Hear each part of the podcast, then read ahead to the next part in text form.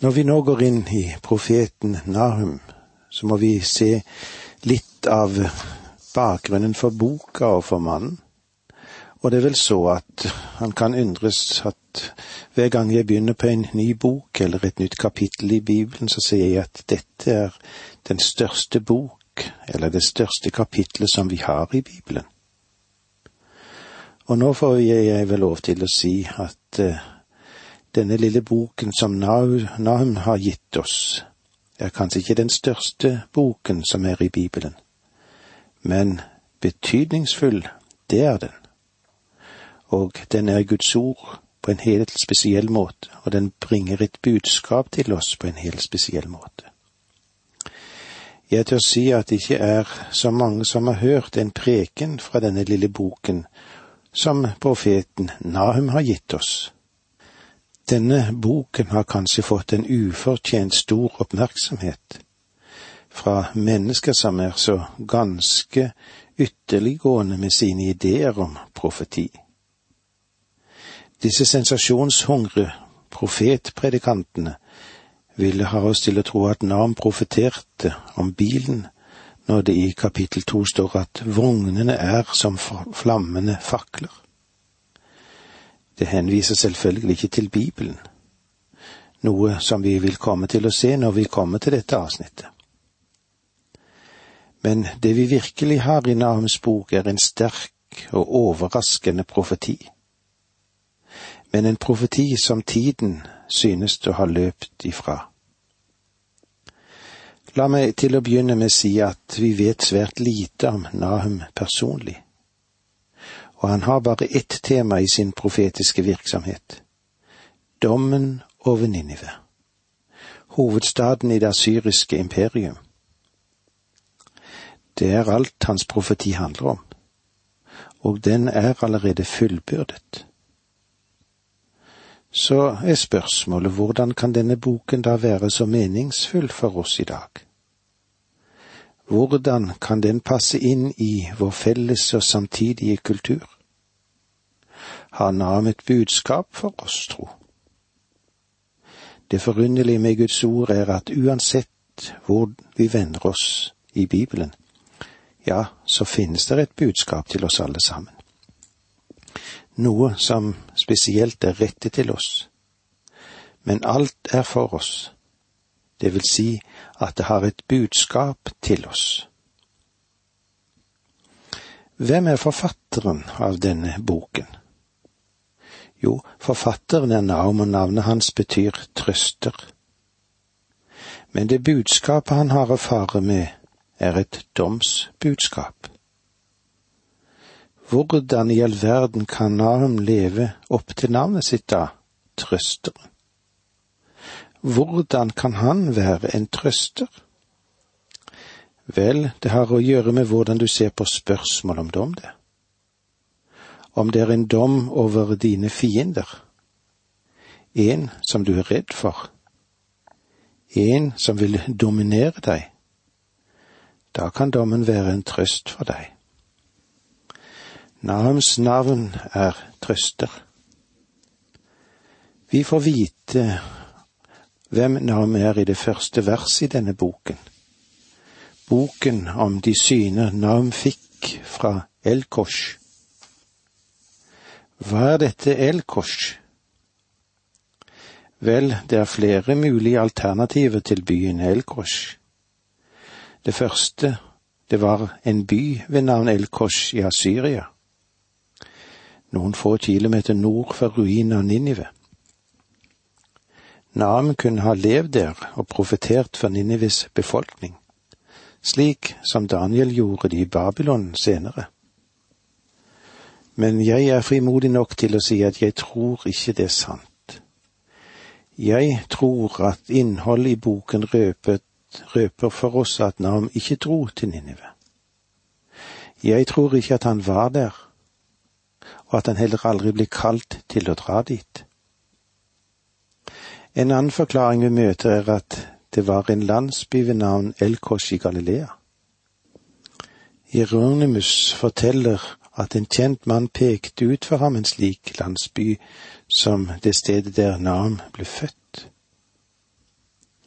Men det som er vanskelig her, er at første gangen det blir pekt på at denne landsbyen var fødested for Nam, var tusen år etter at Nam var død. Så her spørs det hvor mye tradisjonen innvirker på virkeligheten. Profet, professor Davis tolker stedsnavnet Kapernaum som Nahums by. Om Kapernaum er et hebraisk ord, da er dette et sannsynlig sted, og vi har ikke noen grunn til å tro noe annet heller. Nahum, han ble enten født der eller bodde der som gutt. Men også Juda var et sted ved navn El-Kosh. El-Kosh synes å ha vært et ganske vanlig navn. Mange tror at det som faktisk er forholdet, er at når han ble født i Nordriket, i Israel, som ville gi en forklaring til hans sterke tilknytning til Nordriket, men at han senere flyttet til El-Kosh, et sted i Syd-Juda. Kanskje han dro dit som liten gutt og ble oppfostret i Sydriket tidspunktet for denne boken. Mannen som skrev denne profetien, visste med all sannsynlighet noe om Sankeribs angrep på Jerusalem. Det synes å være en øyenvitneskildring vi har i det første kapitlet. Da Sankerib, Asyrias konge, invaderte Juda under Hiskias regjeringstid, var Nam sannsynligvis øyenvitne til det. Det vil bety at Nam var samtidig med både Jesja og Mika. Og eh, det er det mange bibelfortolkere slutter seg til. Personlig har jeg litt vanskelig for å bestemme meg. Det er mange dateringer som er tilskrevet denne boken og dens profet. Og det er dateringer som pendler mellom 720 og 636 år før Kristus. Og det synes da å være plausibelt å plassere Naum ca. 100 år etter Jonah.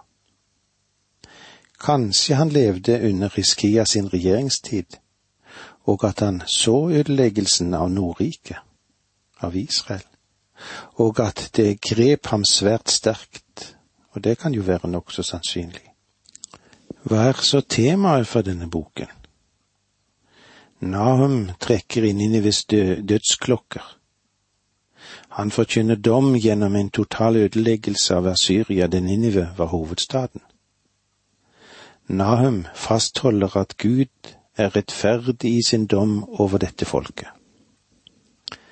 Faktisk er det nyttig å studere disse små bøkene til Jonah og Nahum sammen, fordi de for det foregikk omkring 100-150 år før Nam sto frem på den historiske arena etter at Jonah dro til Ninive med et budskap fra Gud. Da Gud ba Jonah dra til Ninive og bringe hans budskap til dette folket, så hendte det noe aldeles utrolig. Hele byen vendte seg til Gud. 100% omvendelse. Faktisk har det aldri vært noe lignende i verdenshistorien. Vi har ingenting å sammenligne dette med en hel storby, og med alle sine innbyggere vender seg til Gud. Hvor betydningsfullt dette var for folket som helhet, vet jeg ikke, men det er meget sannsynlig at Ninive, som var hovedstad, var trendsetter for hele nasjonen og at derfor mange andre utenfor Ninive vendte seg til Gud i denne tidsepoken. Det var en interessant tid, og dette vil vi komme inn på når vi møtes igjen neste gang, for det var så langt vi kom i dag. Takk for nå, må Gud være med deg. Dette undervisningsprogrammet består av to deler. Åge Nevland fortsetter nå med andre del av dagens undervisning. Vi er i profeten Nahum. Nahum som eh, profeterte om Ninives fullstendige ødeleggelse. Ja, den skulle bli total. Ninive var en av de største byene i den tiden. Det var hovedstad i det blomstrende syriske riket. en hovedstad som var sentrum for verdenshandelen. Men det var også en blodstad. Den var helt igjennom full av løgn og vold. Nabofolkene, de var blitt plyndret. Og nå sto altså dommen for døren.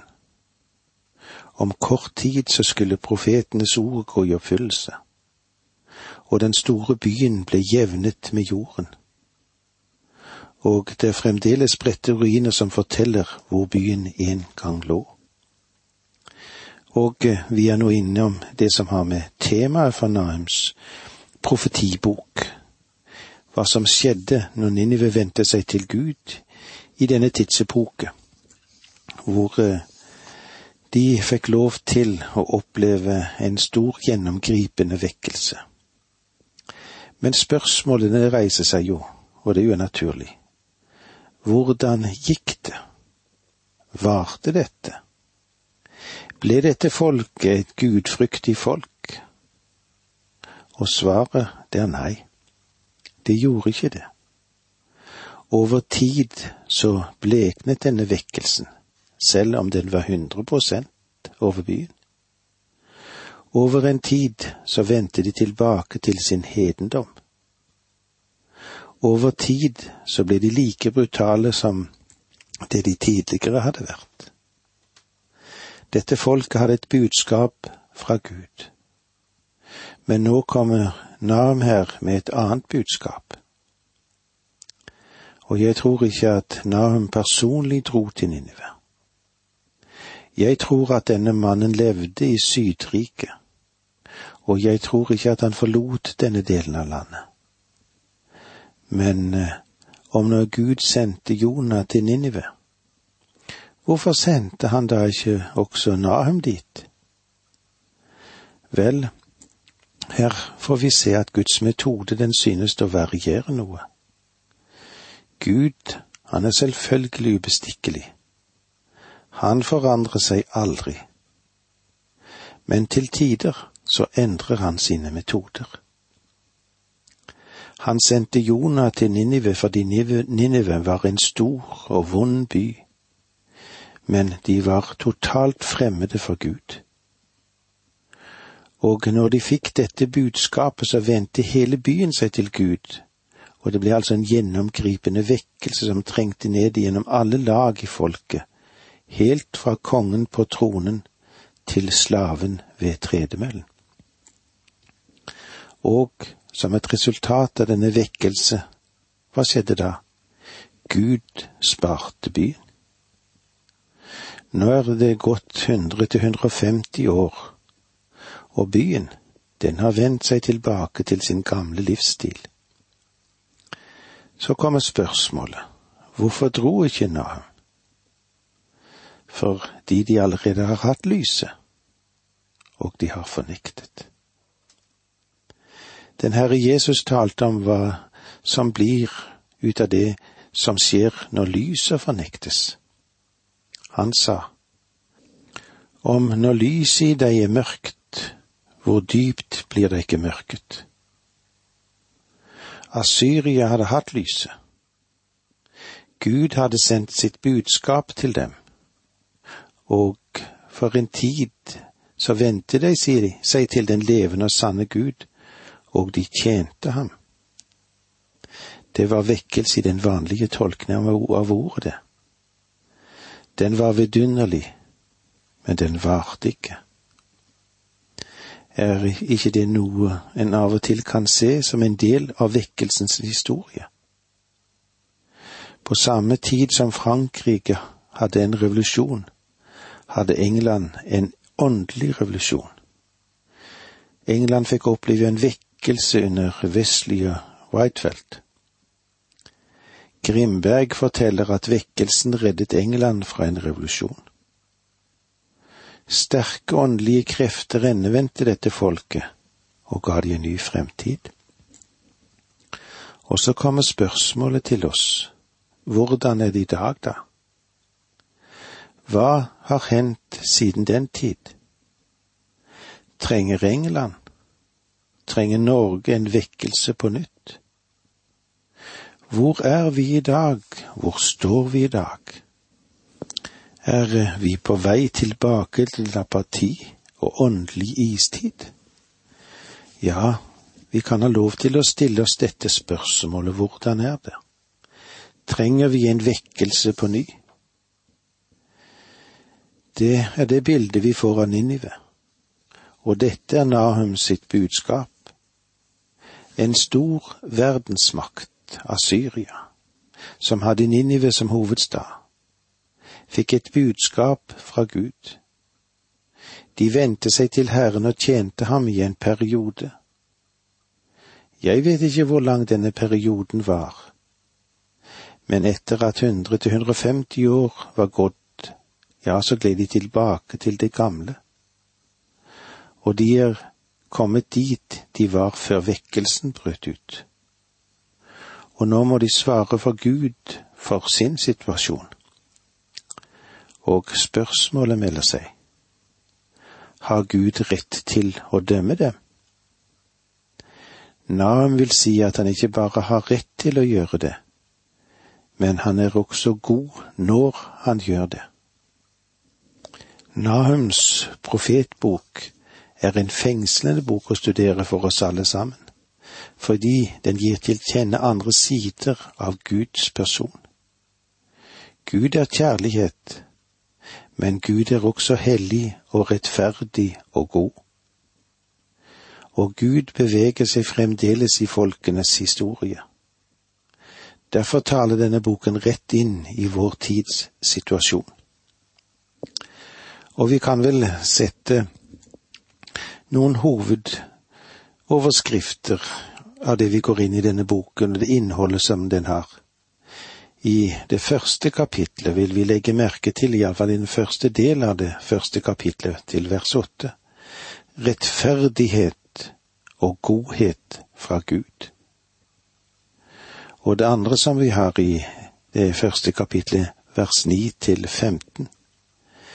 Guds rettferdighet og godhet demonstreres i avgjørelsen om å ødelegge Ninive og gi evangeliet ut. Den tredje hovedoverskriften som vi har for oss, er i kapittel to og tre. Guds rettferdighet og godhet viser seg ved at Han, iverksetter sin bestemmelse om å bøye Ninive. Eller vi kan si i det andre kapitlet utslettelse av Asyria. Og i det tredje kapitlet Guds aksjon blir ansett å være rettferdig. Når vi nå går inn i kapittel én, i denne lille, spesielle boken, denne lille Nahumsboken, som er en spesiell profetbok. Profeten har bare ett tema å bære frem – dommen over Ninive. Ninive som er hovedstaden i det asyriske imperium. Men vi vil også snart se at han har et meningsfullt budskap som òg gjelder oss som lever i dag. Som overskrift over dette kapitlet, altså det første kapitlet, Guds rettferdighet og godhet. I det første verset i kapittel én leser vi slik Domsord mot Ninive. Boken om de syne navn fra Elkosh fikk. Domsord mot Ninive.